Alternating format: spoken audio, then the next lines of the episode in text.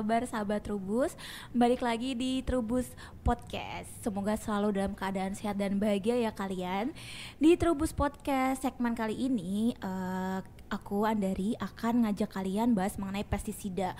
Buat kalian yang sering bercocok tanam atau petani yang punya lahan di desa-desa, kayaknya petani bukan cuma di desa ya. Sekarang sudah ada petani kota atau petani milenial yang punya lahan sempit di kota-kota atau yang uh, bercocok tanam cukup dengan menggunakan pot-pot kecil di depan rumah, pasti sudah akap dengan pestisida. Tapi ya sahabat rubus, pestisida itu boleh dibilang uh, kita belum teredukasi dengan dengan sempurna ya mengenai dunia pestisida itu. Karena pestisida itu macam-macam jenisnya nih sahabat rubus. Dan juga kita tuh ternyata nggak boleh sembarangan untuk uh, menyimpan pestisida. Dan nggak boleh sembarangan untuk mencampur pestisida. Dan kita juga nggak boleh sembarangan untuk mengaplikasikan pestisida. Nah, sahabat rubus coba diingat-ingat deh kalian di rumah yang suka bercocok tanam selama ini sudah benar belum?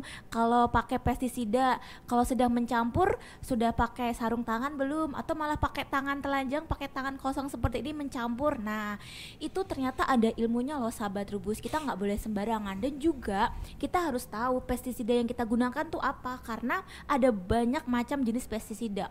Kalau aku nggak salah ya nanti kita tanya ke narasumber kita ya. Kalau nggak salah itu pestisida itu ada herbisida, ada fungisida, ada insektisida. Nah, macam-macam kan. Sampai pasti kalian nanti bingung bedanya apa sih? Nah, itu nanti akan terjawab oleh narasumber kita hari ini. Ada Mas Vicky dari Singenta. Mas Vicky ini merupakan manajer stewardship ya Mas Vicky ya. Yep Nah sahabat Rubus aku mau curhat sedikit deh. Sebenarnya aku bingung nih uh, Waktu kenalan sama Mas Vicky. Aduh bingung nih mas ceritanya. Uh, Memperkenalkan dirinya sebagai stewardship. Nah pasti sahabat Rubus juga masih Ini kan masih awam kan eh, Kata-kata uh, itu apa gitu. Mas Vicky sebelum kita bahas tentang pestisida Aku pengen Mas Vicky jelasin dulu dong Stewardship itu apa? Karena aku sendiri masih bingung-bingung nih Masih rancu stewardship itu apa gitu Di dunia pertanian Iya, makasih Mbak.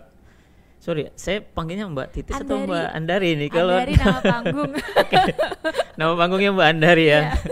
ya Mbak Andari. Jadi kalau uh, mungkin ya untuk teman-teman Trubus sahabat Trubus yang lagi nonton uh, kata stewardship ini memang agak agak tidak familiar apalagi kalau di dunia pertanian. Tapi kalau teman-teman suka lihat nonton bola, yang nonton bola tuh biasanya atau suka melihat tuh di penjaga di lapangannya suka pakai jaket atau rompi dan di belakangnya ada tulisan steward. Nah, itu artinya adalah uh, mengaman mengamankan gitu. Jadi uh, intinya stewardship ini adalah bagaimana kita memastikan para pengguna produk perlindungan tanaman atau pestisida itu menggunakan sesuai dengan aturan yang ada di label. Itu sih poin utamanya Mbak Titis. Jadi kalau kita bicara stewardship, bisa lah kita uh, padankan katanya dengan pendampingan gitu. Pendamping yang mengamankan gitu ya ceritanya. Yang memastikan penggunanya sesuai dengan aturan. Memastikan penggunaan pestisida itu sesuai dengan aturan yep. ya Mas ya. Nah, kalau di petani sendiri tuh biasanya mengenalnya sebagai apa sih mas? Kalau kita kan mungkin taunya oh PPL gitu kan ya penyuluh yeah. pertanian. Nah biasanya kalau di lapangan tuh petani atau uh, stakeholder yang berkaitan dengan uh, pestisida mungkin yang penjualnya atau agennya gitu kan, mereka tuh lebih mengenalnya tuh sebagai apa sih? Ya yeah. di lapangan di petani biasanya mereka mengenalnya sebagai teman-teman ya kalau teman-teman di uh, lapangan itu biasanya petani kenal dengan istilah agronomis. Atau uh, dia mereka suka bilang juga formulator. Petani petani itu bilang ke teman-teman kita yang ada di lapangan. Formulator. Formulator. Nah tapi kalau yang memang bagian pendampingan nah itu mereka biasanya ya menyamakan istilahnya dengan penyuluh gitu tapi penyuluh swasta biasanya oh, gitu. gitu Mas Vicky udah area jajahannya ke mana aja nih? Siapa tahu nih ada uh, petani di daerah atau sahabat rubus uh, yang sudah mengenal Mas Vicky. Daerah jajahannya di mana aja nih, Mas nah, Vicky? Uh, Alhamdulillah ya di Sinjenta ini stewardship ini untuk koordinatornya memang cuma satu orang, jadi itu ada di saya. Tapi yang bantu saya di lapangan tuh semua teman-teman Sinjenta yang ada di lapangan. Dan alhamdulillah nih dari Sabang sampai Merauke itu udah hampir lah selalu ada. Hampir sudah kejajahin tuh oh. Sabang sampai Merauke. Siapa tahu nih yang nonton pernah lihat Mas Vicky nih pas Ya. lagi main ke mana misal pas lagi main ke daerah Brebes atau Banyuwangi atau mungkin daerah Kalimantan mungkin udah kenal Mas Vicky gitu. Mudah-mudahan ya, mudah-mudahan. Mudah-mudahan. Karena memang stewardship ini eh, saya aja di stewardship ini sudah 10 tahun, Mbak, Mbak Andari. Jadi sebelum saya udah ada. Jadi artinya petani atau teman-teman eh, pengguna pestisida ini pasti sudah kenal banyak lah dengan teman-teman yang melakukan edukasi-edukasi terkait dengan penggunaan pestisida di lapangan. pestisida. Berarti uh, petani deket lah ya Mas ya dengan teman-temannya Mas Yes. Vicky yang sering uh, turun ke lapangan ngasih tahu uh, ke, ke petani edukasi mengenai pestisida. Yes. Nah, ngomong-ngomong tentang pestisida nih, Mas. Boleh dikatakan pestisida ini kayak eh, dua mat dua sisi mata uang atau dua sisi pisau gitu ya, Mas ya. Mhm, Nah, gimana ya cara mengibaratkannya ya? Tapi yang pasti aku pengen nanyanya gini, seberapa penting sih Mas pestisida itu dalam dunia pertanian gitu, Mas?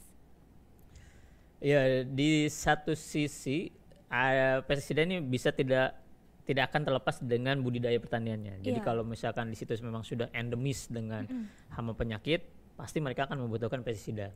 Tapi di sisi lain ya seperti mungkin tadi Mbak Andari di prolog di awal petani-petani atau sekarang kan anak orang-orang kota sudah suka bercocok tanam dan segala macam, mungkin itu dari sisi hama penyakitnya nggak terlalu banyak. Jadi artinya eh, kalau dibilang seberapa penting atau bagaimana posisi pestisida untuk budidaya itu pasti sangat diperlukan. Karena apa? Karena akan berkaitan dengan produksi nih. Nah, kalau misalkan hama penyakitnya tidak terkendali atau gulmanya tidak terkendali, produksinya juga akan eh, terpengaruh. Anjlok. Otomatis ya, otomatis eh harga juga bisa jadi naik. Karena apa? Karena stoknya tidak banyak. Nah, ini yang yang mungkin juga perlu dipahami ya sama teman-teman sekalian. Posisi pestisida itu seperti di mana sih gitu. Oh gitu. Penting banget buat kita, Mas ya. Misalnya aku nih petani padi gitu ya, Mas ya. Jadi pestisida itu amat penting buat saya, buat aku nih. Terutama kalau padi itu kan memang seksi sekali ya, Mas ya. padi, jagung itu kan seksi sekali.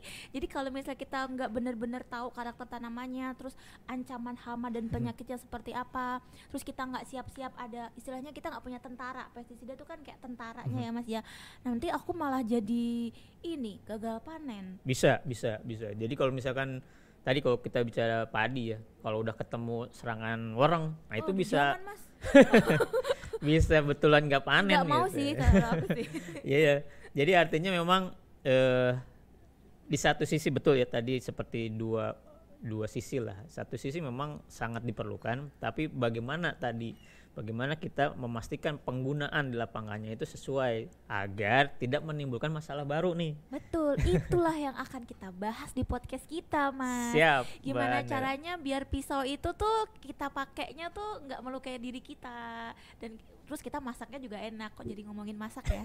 Balik lagi ke pestisida. Mas pestisida tuh kan ada banyak juga. Tadi aku sempat mengatakan jenis pestisida tuh ada herbisida, ada fungisida, ada insektisida. Nah, buat eh, petani mungkin itu sudah bisa membedakan. Mhm. Nah, kalau buat eh, yang baru kenal, boleh dong Mas dijelasin sedikit mengenai eh, jenis-jenis pestisida itu gitu. Oke. Jadi kalau kita bicara mengenai herbisida, pada umumnya yang dikendalikan itu adalah rumput. Nah, Gulma, tap- gulma. ya, sorry, gulma. Ya, gulma. Nah, pada umumnya rumput tuh kalau gulma. Tapi sebenarnya kalau ada definisi yang menyebutkan gulma itu adalah tanaman yang tidak diinginkan.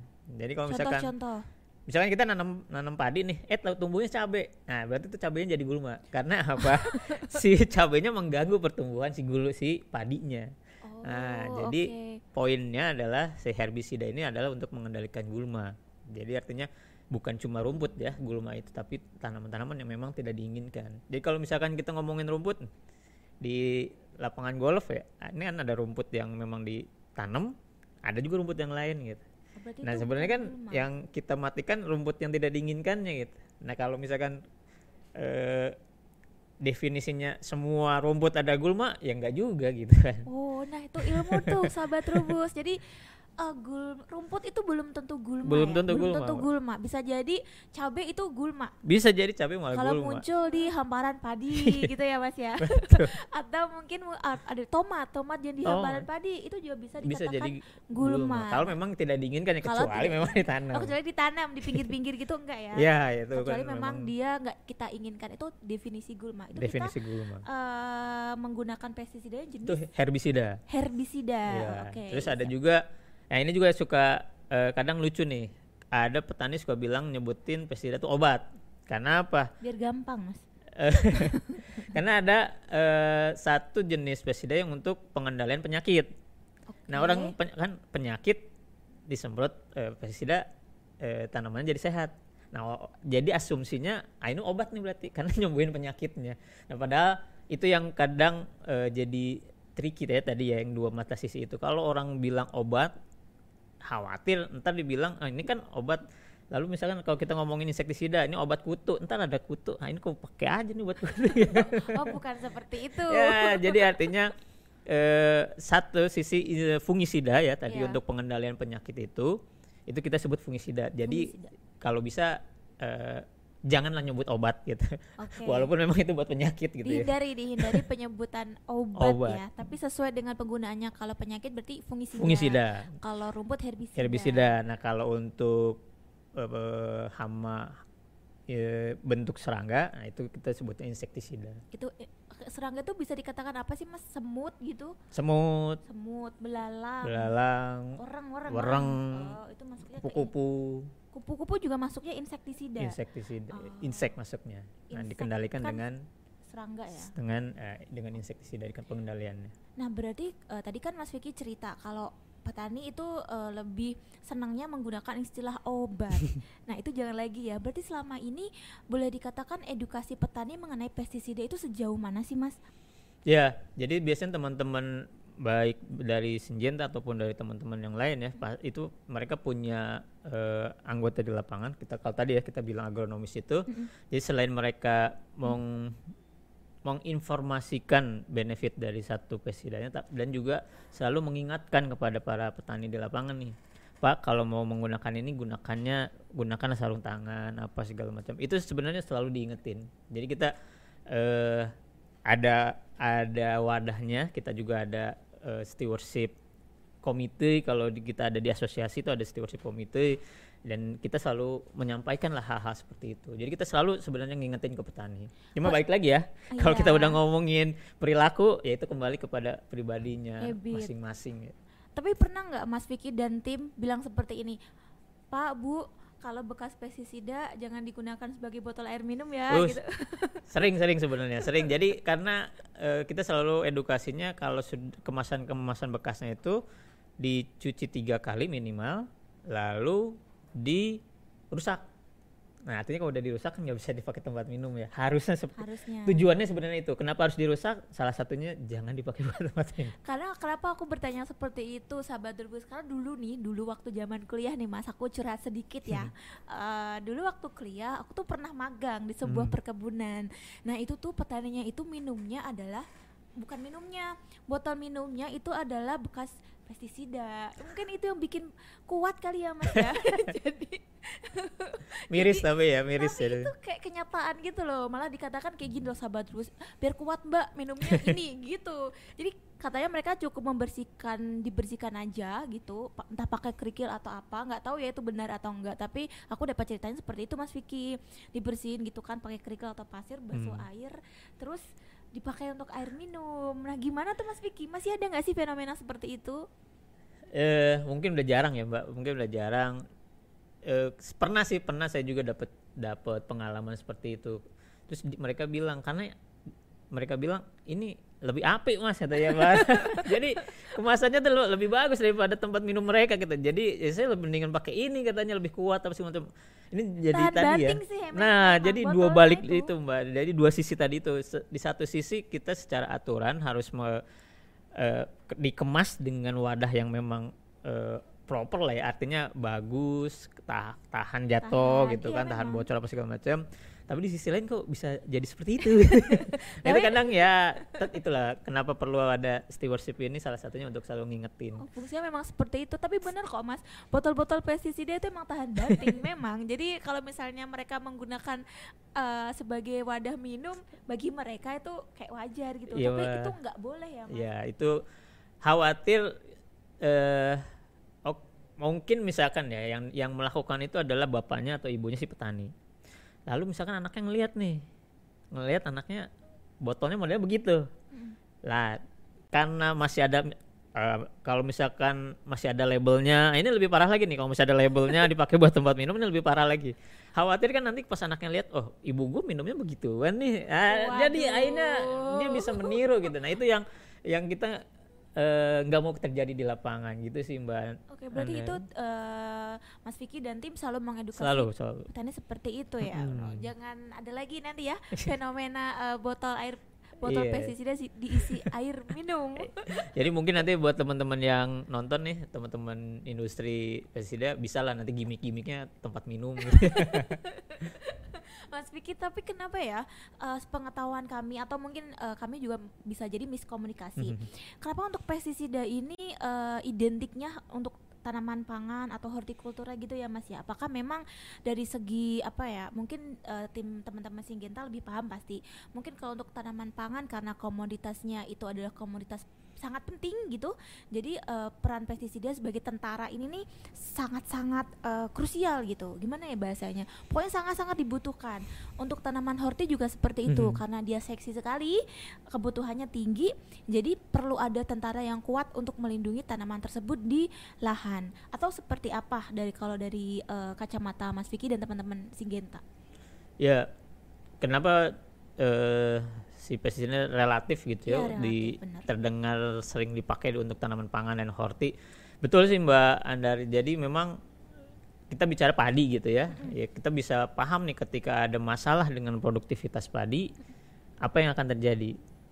Lalu misalnya kita bicara juga kalau tanaman cabai atau bawang ketika gagal panen apa yang terjadi? Nah, Jangan, ini Mas. ini yang bahaya itu. Makanya petani selalu uh, tadi ya se, kalau diibaratkan dengan tentara, selalu cari tentara nih buat penghalang hama dan penyakitnya ya, ya mereka pasti pilihnya si pestisida itu.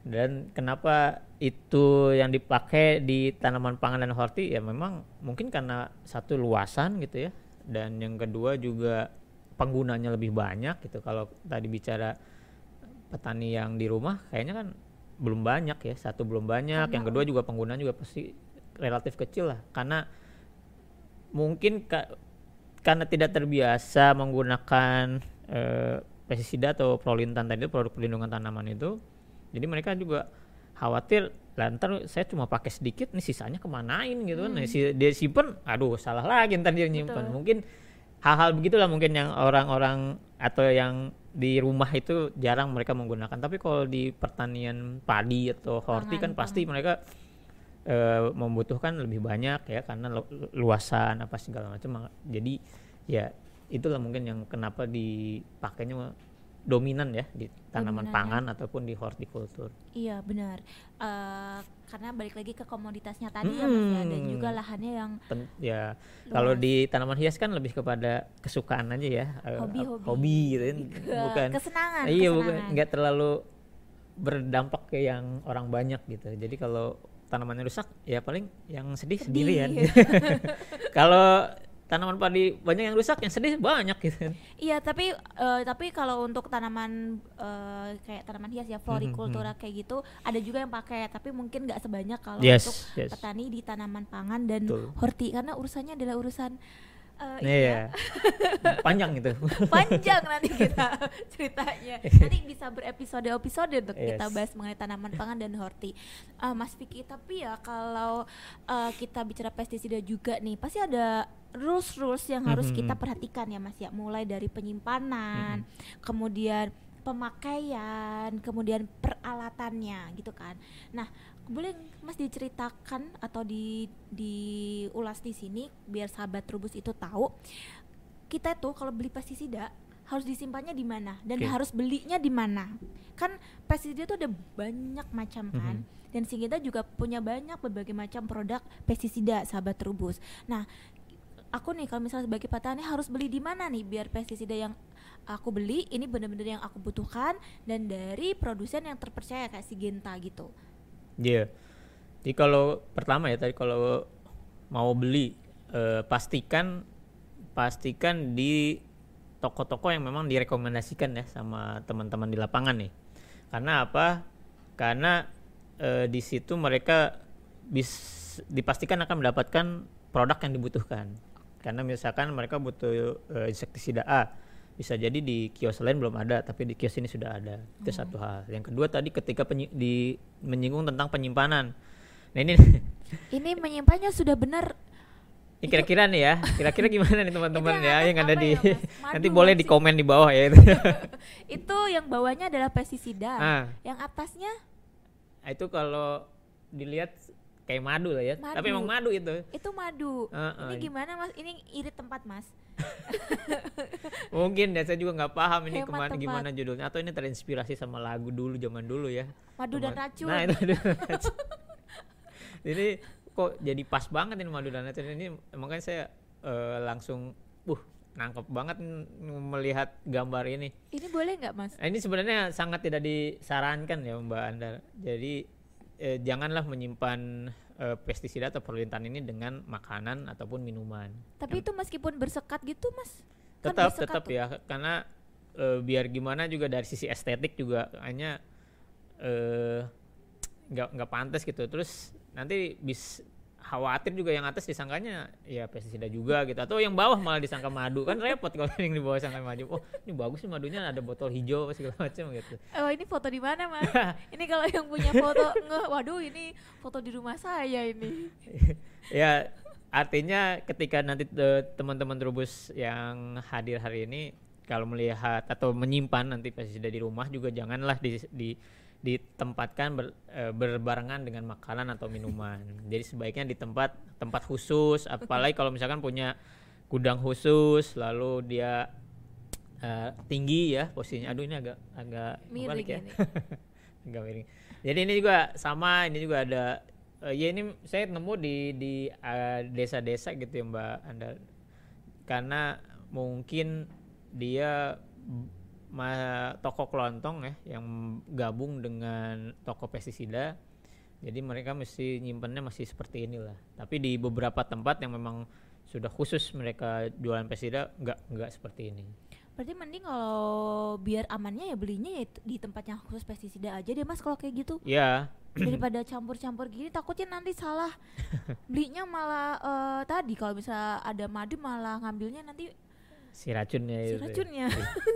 Betul, Fenomena betul, kayak gini tuh banyak kita temukan di lapangan Mas. Orang-orang nyimpan bareng sama makanan, sama botol minuman kayak gitu. Enggak sih sebenarnya, enggak enggak banyak karena eh, relatif karena itu tadi ya mungkin teman-teman di lapangan juga sudah mengedukasikan si kiosnya apa segala macam untuk menyimpan karena kalau eh, kios atau kita bilang kios lah ya kalau kiosnya memang dia khusus jualan pestisida dia memang proper lah nyimpennya Oh, memang tempatnya. memang sudah etalasenya bagus eh, rak-raknya juga disusun rapi dan kalau makanan dan minum memang terpisah gitu Oh, berarti sukses nih.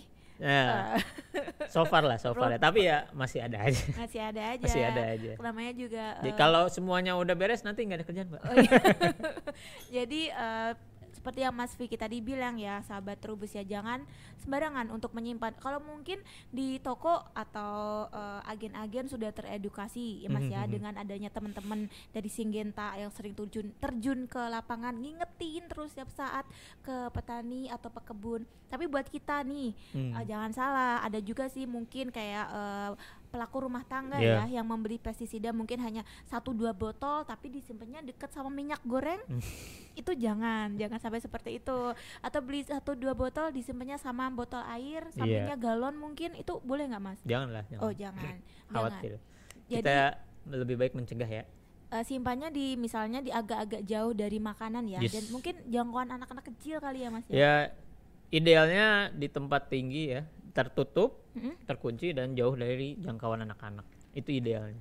tertutup, terkunci, tertutup, terkunci dan Jauh jauh, dari dari, jangkauan jangkauan anak. anak-anak. Kalau kita pengguna rumahan ya, Mm-mm. pengguna yang mungkin nggak banyak Yes. eh, pakai pestisidanya. Penting loh Mas itu. Mm-mm, bagus juga kalau tertutup, jangan tertutup full. Maksudnya tertutup tapi transparan kalau bisa mbak. Misal ya, eh, entah kalau misalkan ada goyangan apa, jatuh nih misalkan nih pestisidanya. Nah kalau triplek gitu kan nggak kelihatan. Tapi kalau misalkan kaca gitu, oh ini ada yang Ada yang jatuh, tumpah terus ada yang gitu. tumpah. Nah kita jadi langsung aware gitu. Jadi kalaupun tertutup sebaiknya eh, transparan. Nah, ilmu nih sahabat rubus. Jadi kalau misalnya nyimpen, usahakan eh, tempat penyimpanan itu transparan. Mm-mm. Kalau misalnya triplex kita nggak tahu tuh ada yang tumpah atau ada yang bocor gitu ya Mas ya. Takutnya nanti Pas eh, buka, jatuh. ah, ah, kena badan Iya. atau terhirup gitu. Kalau transparan kan kita bisa lihat langsung, wah ada yang tumpah nih, ada yang bocor nih gitu. Itu baru soal penyimpanan. Kita belum menginjak ke pencampuran nih. Iya. Nah, kita bisa lihat nih cara mencampur pestisida yang baik dan benar seperti apa nih, Mas? Ini sudah baik dan benar belum, Mas? Mencampurnya. Eh, ini dia nih. Kadang dan masih banyak yang begini, Mbak. Kalau yang gini kayaknya masih banyak ini. Kalau yang kayak gini eh, masih Aku banyak. sendiri nggak tahu ini salahnya di mana sih, Mas? Satu ya, dia eh nakarnya yang pastinya ya. Nakarnya kenapa? Nakarnya Kenapa juga- tuh? Eh ya ini masih umum karena pakai tutup botol. Oh, Jadi memang oke. memang si tutup botol ini teman-teman di lapangan su- suka eh, sebagai patokan ya. tutup botol. Heeh, jadi biasanya Pak sekian. Nah itu biasanya karena mereka sudah paham nih eh, kalau satu tutupnya itu berapa takarannya. Ya. Nah yang kedua itu Mbak Tis bila saya lihat i- standarnya atau idealnya atau eh, APD yang kita alat pelindung diri ya alat pelindung diri yang kita sarankan untuk eh, pencampuran itu baju lengan panjang. Nah di sini dia nggak pakai baju lengan panjang. Oh iya. Dia juga nggak pakai sarung tangan. Oh iya. Nah, yang paling resiko adalah ketika pencampuran karena ini masih pekatan nih, Mbak. Itu ciprat kena mata. Jadi sebaiknya pakai Google atau face shield ya. Kalau sekarang kan lagi tren kali ya pakai face shield. Biar apa? Biar tidak terciprat kena mata. Waduh, wah ini melanggar banyak ini berarti ya Mas Nah, ya. ini kalau main bola udah kartu merah. Ada kartu merah banget. Pertama takarannya masih menggunakan tutup botol, Hmm. nggak pakai sarung tangan, nggak pakai lengan panjang, baju lengan panjang sama nggak pakai pelindung mata. Iya. Nanti bisa terciprat dan itu bahaya ya Mas ya. Ini masih banyak seperti ini. Masih, masih. Waduh. Tapi kalau tutup botol memang umum ya kalau nakar pakai tutup botol karena memang di lapangan eh, agak ya agak susah ya cari untuk mencari ukurannya, apa ukurannya. misalnya Nah, 50 mili mm. atau 100 Jadi mili. eh, teman-teman biasanya suka nanya nih, "Se- berapa sih tutup botol kita itu? Nah itu itu karena itu jadi takaran. oh, Nah biasanya jadi ya tiga tutup botol. Kalau tutup botol masih oke lah. Yang lainnya itu tuh ya.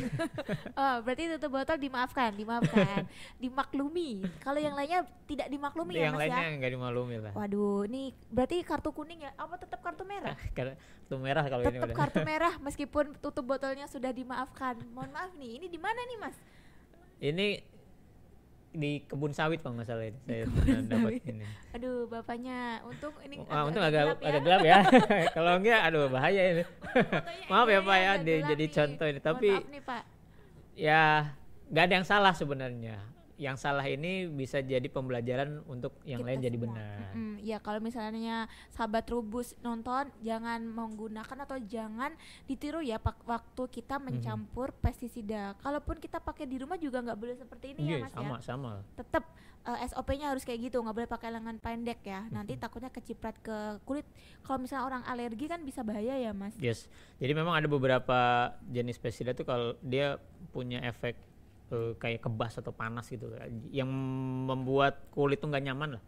Kalau kalau kena kulit ya. Ya, makanya itu perlu pakai lengan panjang. Mm-mm. Itu pencampuran. Selanjutnya kita harus tahu benar mengenai lokasi.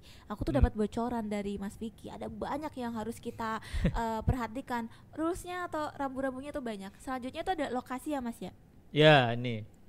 Ah, ini ini Masuk ke sumur. harus training lagi kalau ini. Satu ya tadi itu sama ini lagi proses pencampuran ini. Terus dia nggak pakai sarung tangan gitu kan, nggak pakai face shield dan segala macam. Santai nih Mas. Santai. Santai. Nah yang lagi lebih repot lagi kalau dua dua barang itu jatuh tuh. Jatuh ke mana dulu? Oh iya, jatuh ke dalam tuh dalam sumur. Kalau misalkan sumur. itu yang botol putihnya masuk ke dalam sumur, ini siapa yang mau nguras gitu kan? Karena itu itu itu produknya tuh pestisidanya atau prolintannya. Ini kalau jatuh ke dalam sumur, ini resikonya tinggi.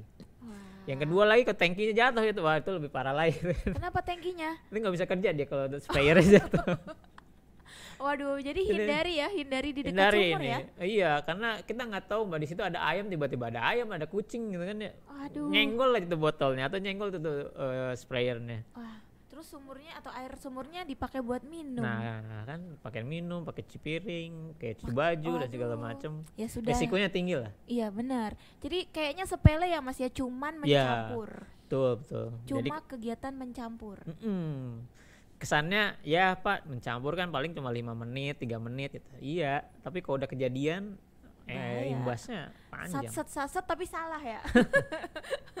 Niat hati biar deket sama Air, untuk iya. dimasukin ke tangki. Betul. Eh nanti kalau misalnya kita nggak tahu ya ada apa Iya, yang lewat iya. kesenggol, wah nggak boleh nih sahabat terus. Jadi harus diperhatikan benar kalau kita mau mencampur pestisida, jangan dekat dengan sumber air ya. Yes.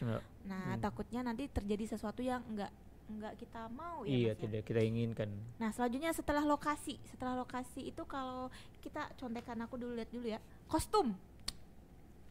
Kostum ah, oke. Nah ini ini saya ketemu di daerah mana ini kalau nggak salah ya daerah Jangan ketawa Daerah- mas ini jangan-jangan Palembang. temannya Mas Wiki ini. Jadi ya ya mungkin ini jadi kebiasaan sekarang ya Mbak ya. Kalau ada yang salah kita foto dulu gitu ya baru habis itu kita kasih. Iya harusnya kita kan.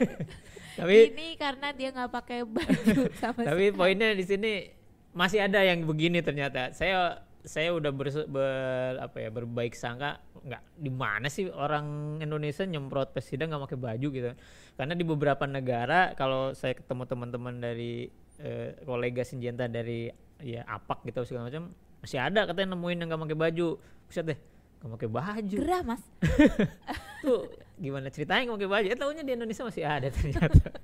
Mungkin gerah kali mas. Itu kan harus nyemprot banyak tuh gulmanya. Jadi mereka nggak pakai baju. Ini kartu merah dong. Aduh ini iya ini ini kalau ini masuk TC lagi lah ini ini berarti teman-teman di lapangan nih teman-temannya Mas Vicky Iya harus eh, lebih apa lagi ya lebih kenceng lagi nih ngasih tahu ke Iya.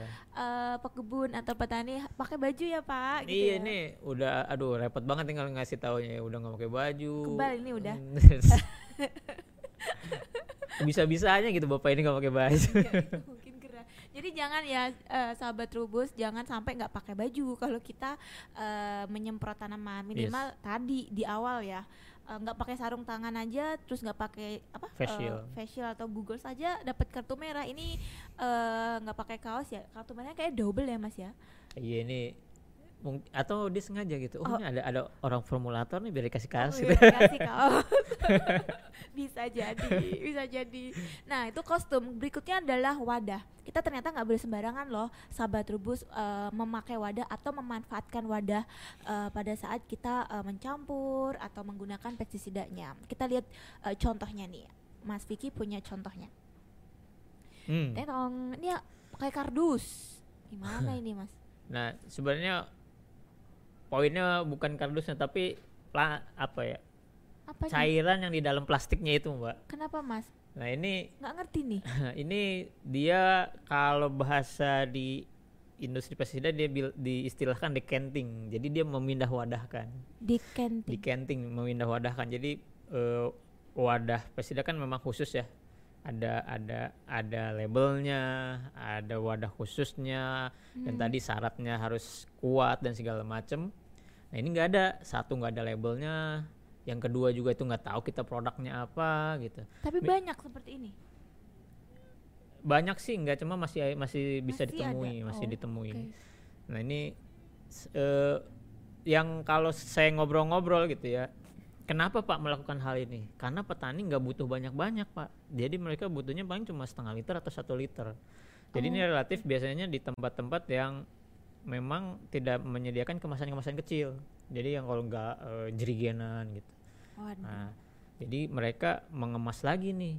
Cuma resikonya jadi banyak kalau yang seperti ini ya.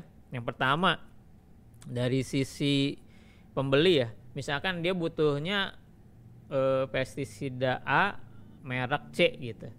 Terus di, eh, dikasih aja sama kiosnya. Ini Pak, harga harga C misalkan. Tahu, tapi sebenarnya yang dikasih barangnya D. Yang Rugi dong. rugi jatuhnya, Mbak.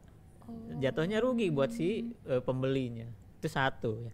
Terus yang kedua, misalkan kan nggak mungkin setelah ini si petani bawa beginian ke lapangan. Pasti dia pindahin lagi nih. Pindahin lagi ke botol. Oke lah misalkan bukan kalau syukur-syukur ya dia punya botol aslinya Bekas, gitu. bekas ya. Bekas tapi asli Iya, gitu ya. iya. Tapi kalau botolnya botol minuman bekas air mineral misalkan. Masukin tuh warna merah begitu ya, siang-siang. Hmm. uh, mama gitu kan. Oh, ibu bawa apa ini? Tahunya wah, Minum. Khawatir kan begitu. Pan. Nah, Kok nyebut merek ya? Dikirain minuman berkarbonasi yang merah itu loh nah itu kan soda apa kalau misalkan kena panas gitu agak-agak nguap-nguap sangkanya, "Ay, uh ini kayaknya enak banget gitu kan. Ternyata bukan. Kita tahunya bukan karena pernah ada kejadian seperti itu Mbak Andara. Jadi kalau eh, bukan kalau ya, ada eh, melihat dua eh, satu apa di karena di botol tadi ya, botol air mineral itu konsentrasi kan sudah mulai turun ya kalau udah siang capek. Kalau capek kan konsentrasi bisa turun, udah gitu siang hari pa- aus pula dan dia ya itulah ambil aja gitu kan. Wah, itu kan resiko. Bukan lagi resiko itu Mas ya. itu, udah fatal itu membahayakan jatuhnya. nyawa. Nah itu itu yang yang kedua ya karena dengan begitu dia langsung pasti kan nggak mungkin lah bawa begitu. Kalau begitu kan nanti tumpah di di jalan ya. Pasti dia pindahin lagi. Nah itu yang ketiga dengan begini juga sebenarnya ini eh, melanggar undang-undang. Ini Yang tadi ya, ini Oh, kan case case inilah. Jadi modelnya seperti ini ditakar eh, satu liter masukin ke plastik tadi itu Oh, kan masuk plastik itu. Ini ini udah melanggar melanggar hukum sebenarnya ini ini kayak melanggar hukum. melanggar hukum sebenarnya ini kan jadi kalau misalkan ketemu kalau di pertanian tuh di Kementan ada namanya PPNS Apa tuh? Eh, PPNS tuh pengawas aduh saya lupa kepanjangannya ya. Nanti cari di Google. pengawas pegawai negeri sipil kalau nggak salah. Ya. nah itu dia salah satunya mengawasi eh, bagaimana peredaran pestisida di lapangan itu nah yang kayak gini ini bisa kena dia. Kiosnya ini bisa kena. Wah, bisa.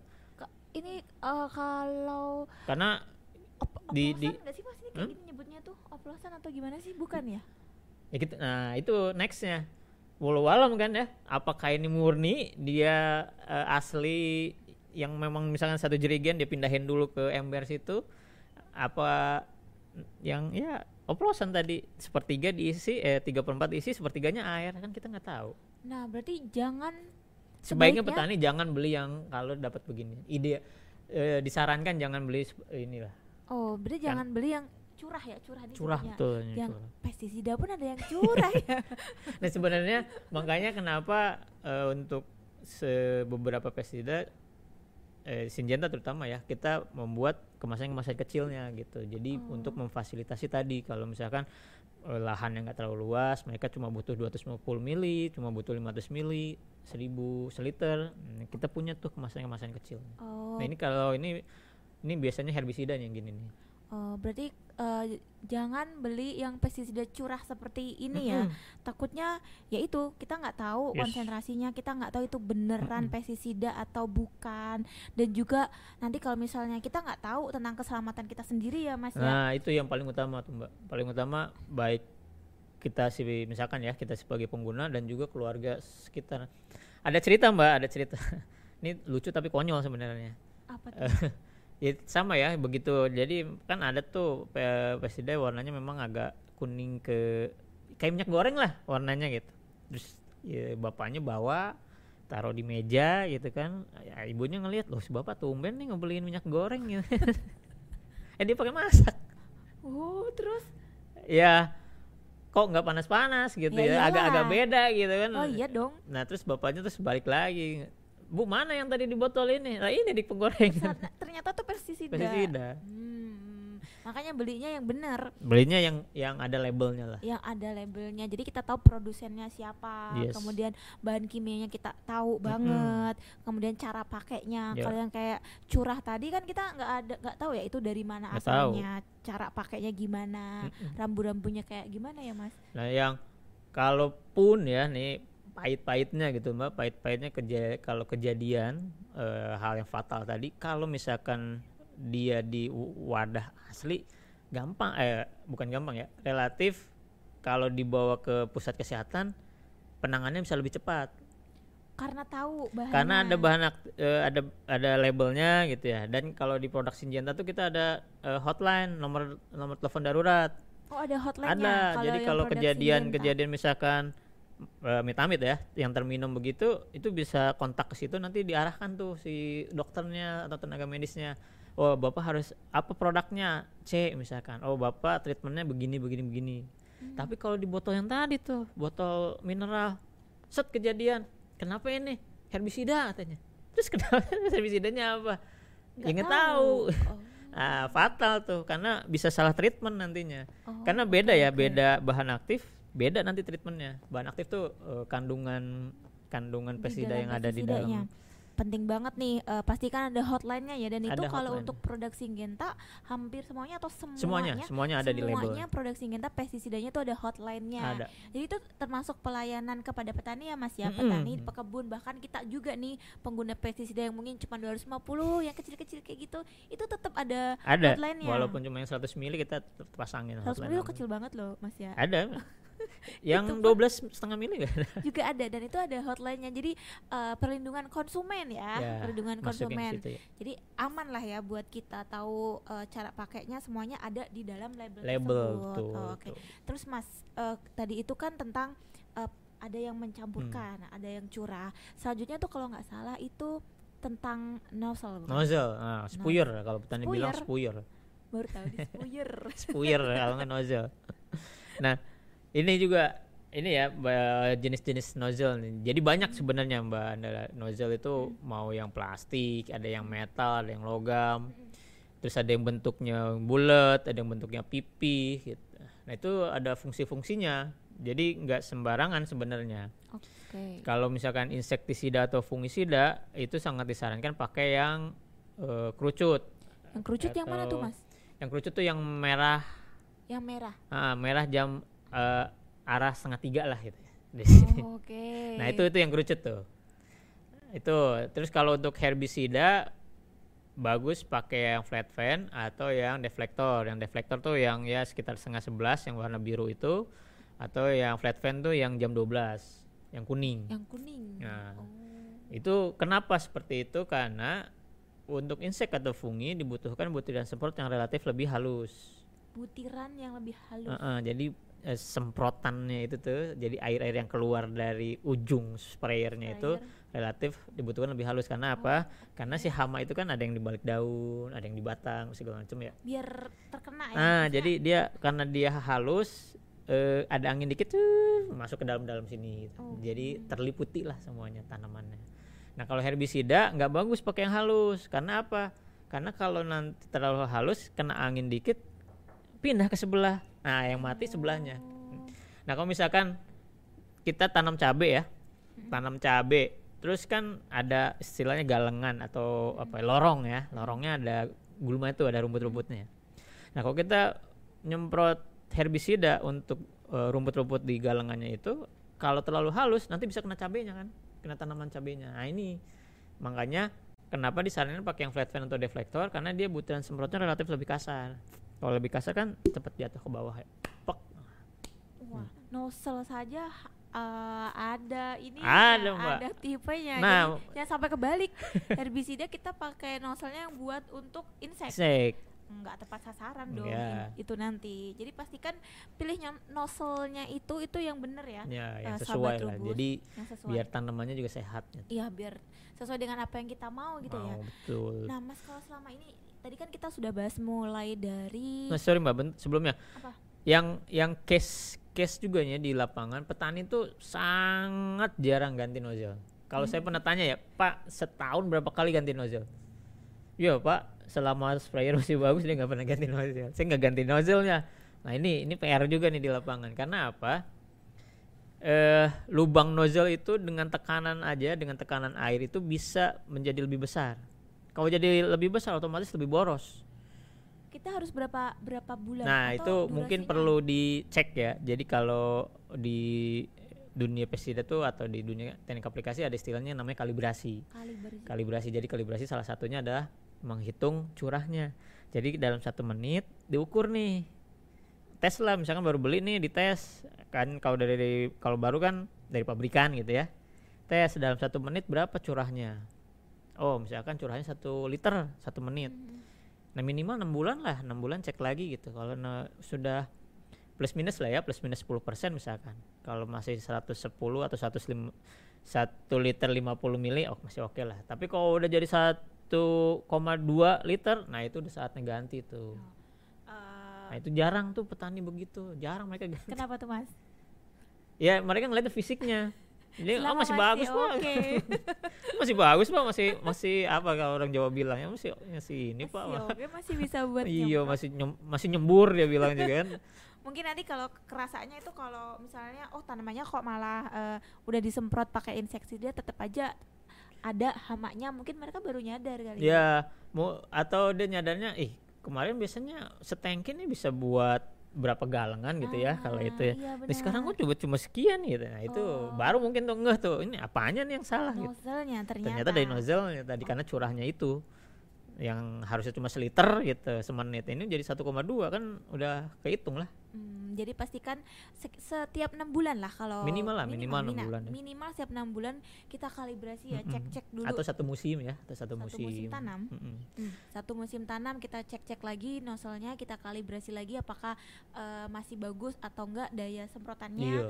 jadi biar kita eh, efektif untuk melakukan eh, pengendalian hama dan penyakit Siap. Mas Vicky tadi kan kita membahasnya mulai dari apa tadi tadi ada penyimpanan sampai terakhir ini ke nozzle Mhm. Nah sejauh ini teman-teman di lapang nih, terutama Mas Vicky dan teman-teman, Hmm. eh, itu kalau misalnya ngasih ke- edukasi ke petani itu seperti apa sih selama ini sejauh Iya.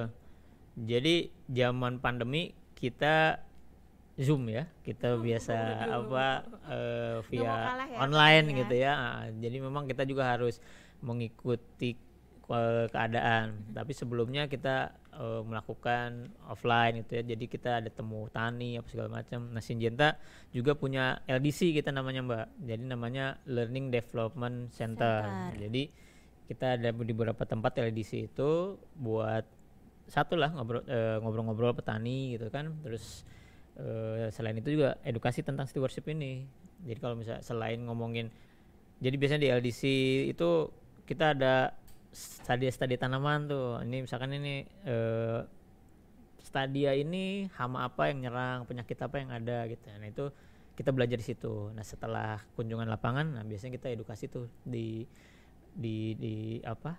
Sambil ngobrol-ngobrol kita ngingetin lagi kita ngingetin lagi. Karena Rajin stewardship ya, ah stewardship ini ya, di senior saya yang bilang ya di senior saya yang bilang Fik stewardship ini kayak ustadz katanya. Waduh, ceramah. jadi lu sampaikan yang benernya gitu perkara dia ngikutin atau enggak itu udah balik lagi ke dia tapi kita harus menyampaikan apa yang prinsip dasarnya bagaimana menggunakan pestisida itu yang benar itu. No. Nah, itu yang oke Terus harapannya apa nih Mas? Sekalian kita closing ya. Tahu nggak sih udah sejam kita ngobrol. oh iya ya wis nggak kerasa ya hampir sejam kita ngobrolnya. Kalau dari Mas Vicky sendiri, selama ini harapannya apa sih biar petani? Tadi kan meskipun teman-teman sudah sering ke lapang, tadi Hmm. juga pendekatan melalui LDC Learning Development Center ya Yep. namanya ya. Nah itu juga ternyata di lapang juga masih ditemukan beberapa Mhm. kasus seperti tadi ada yang nggak pakai pakaian, kemudian eh, tadi eh, yang kena kartu merah tadi nggak pakai sarung tangan dan segala macam. Tadi ada yang pakai pestisidanya curah. Nah Mas Vicky tuh harapannya apa sih dengan adanya stewardship ini dan juga nanti kalau misalnya petani benar-benar teredukasi dan bijak memakai pestisida sebenarnya yang dimau dari Mas Vicky dan tim itu apa? Iya. eh ini sekalian closing ya berarti ya. Jadi yang pertama buat teman-teman di, industri pestisida ya sebagai formulator lah tadi kalau kita bilang formulator itu jangan bosan-bosan ngingetin petani. Karena karena apa? kalau udah nggak ada yang ngingetin apa ini mah jadi masalah diingetin aja masih ada yang salah apalagi Gimana tidak nggak ada? diingatkan nah itu itu satu ya Iya. jadi harus terus eh, kita menyampaikan kita menginformasikan kepada para petani lalu coba di, dicarilah eh, misalkan petani selalu ngeluhnya gini mbak Hmm. Lah saya mau pakai begituan nggak ada. Ca- jangan lihat barangnya sebenarnya lihat fungsinya. Kalau misalkan fungsinya buat ngelindungin mata lah ya nggak usah cari yang lain lah pakai aja kacamata gitu. Yang penting fungsinya. Jadi harapan kita sih se- semua para pengguna ya para pengguna pestisida atau prolintan ini maju bersama lah. Maju bersama artinya dari sisi industri kita juga eh, maju dari sisi pertanian juga kita maju gitu ya dan mudah-mudahan kita bisa swasembada dengan karena Amin, amin, karena amin. tanamannya terjaga dan petaninya juga tidak tidak ada resiko-resiko yang akhirnya balik ke petani gitu. Petani aman. Petani aman, tanaman sehat Eh, kan? sesuai dengan sesuai dengan te- tagline kita atau tajuk kita di podcast ini adalah petani tanaman sehat, Sehat, petani petani aman. aman. Karena memang tujuan dari pestisida itu itu ya Mas itu ya. sebenarnya. Biar tanamannya sehat itu ngaruhnya ke produksi Mm-mm. dan kalau ke petaninya adalah biar terlindungi ya. Iya. Jadi Bang. pastikan eh, membeli pestisidanya dari produsen yang terpercaya seperti Singgenta, kemudian membelinya juga di agen yang terpercaya, Iya. yang nyimpennya bener nggak ya, nggak dengan madu gitu ya ceritanya. kemudian mencampurnya seperti yang Mas Vicky jelaskan tadi dan juga eh, cara aplikasinya. Iya. Terima kasih banyak Mas Vicky. Ini tuh Sama-sama, sebenarnya baru permulaan ya Mas Vicky tentang pestisida. Kita belum bahas tentang bahan kimia Hmm. belum bahas tentang tadi kan mencampur itu kan baru kayak depannya doang Hmm. Takarannya yang benar tuh juga kita belum tahu nah itu nanti kita bisa bahas lebih lanjut lagi di podcast pos- podcast podcast kita selanjutnya Insya Allah. insya terima Allah. kasih banyak loh Mas Vicky Sama-sama sudah Mbak mau berbagi Andara. cerita dengan sahabat Trubus dan juga eh, saya di sini kapan-kapan kita ketemu lagi Insya Allah, insya Allah. Mbak terima kasih banyak sahabat Trubus sampai ketemu dah